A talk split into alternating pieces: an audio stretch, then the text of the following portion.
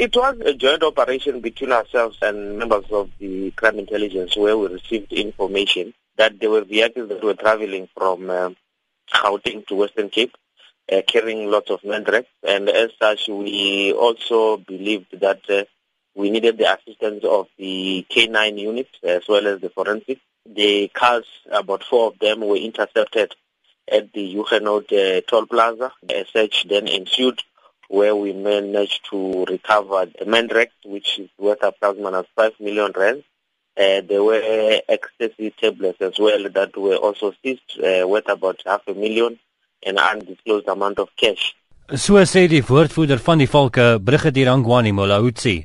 Hy sê hulle het beslag gelê op sowat 117 000 mandrakstablette wat oral in die motor se binneruim en op die onderstel versteek was. They were using all the parts in the cars but there was also a van. You recall that in Zirbekom about a month ago there was a similar operation that we had but this was at a plot where we managed to seize a lot of drugs as well.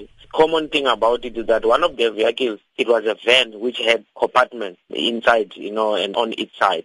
So this is one of the cars that we actually seized at uh, in the Western Cape had similar indications. So that is why we believe that uh, this could be the work of a syndicate and also to check if they could not be connected to the same group that was arrested in Zimbabwe.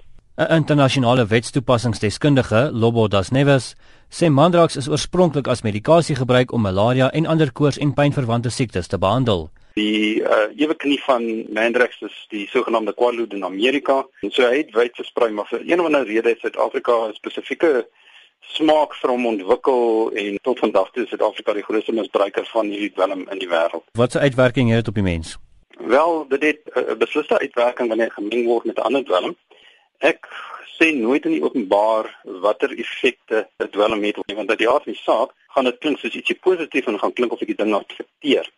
So ek dink dit is baie verkeerd vir enige persoon te sê o nee, hierdie goed laat jou lekker voel en so aan en so aan en daarom praat ek nooit daarvan nie. Brigadier Molotsi sê hulle het 3 mans tussen die ouderdomme van 20 en 40 in hegtenis geneem. Three suspects were arrested on the spot. Uh, the fourth car was released as uh, it was not connected to these other three. We did a criminal in, uh, investigation where we managed to uncover that the three suspects have got extensive criminal records in terms of drug dealing, you know, and all those kind of things. Die drie verdagtes sal na verwagting later in die Parel Landroshof verskyn. Die valke gaan borgtog teenstaan. Ek is Justin Kennerly in Johannesburg.